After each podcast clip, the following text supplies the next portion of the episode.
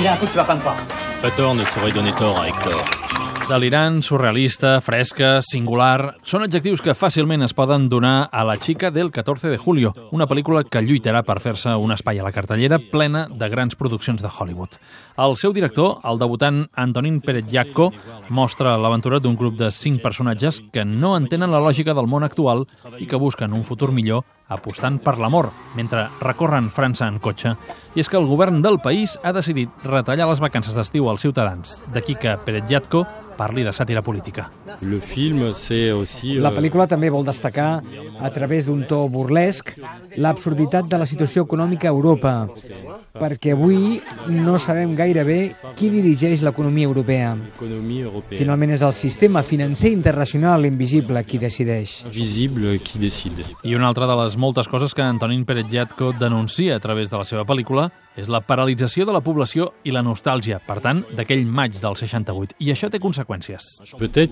Pot ser que, efectivament, avui hi hagi un problema a França.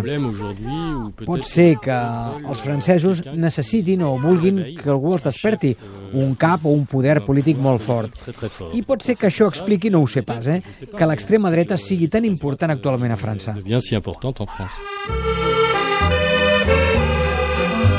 La xica del 14 de julio és una pel·lícula que combina diferents tradicions del cinema francès, sobretot de la Nouvelle Vague. Però el jove cineasta, autor dels making-of, per cert, del Profeta i de Óxido i Hueso, prefereix no destacar cap influència concreta.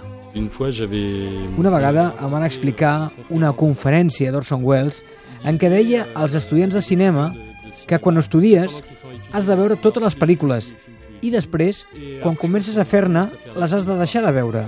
Després has de confiar en el teu inconscient, que serà qui prendrà les decisions.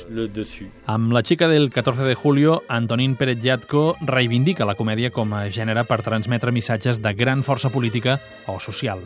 A partir de divendres sabrem si sacseja i diverteix els espectadors tant com voldria el prometedor director francès.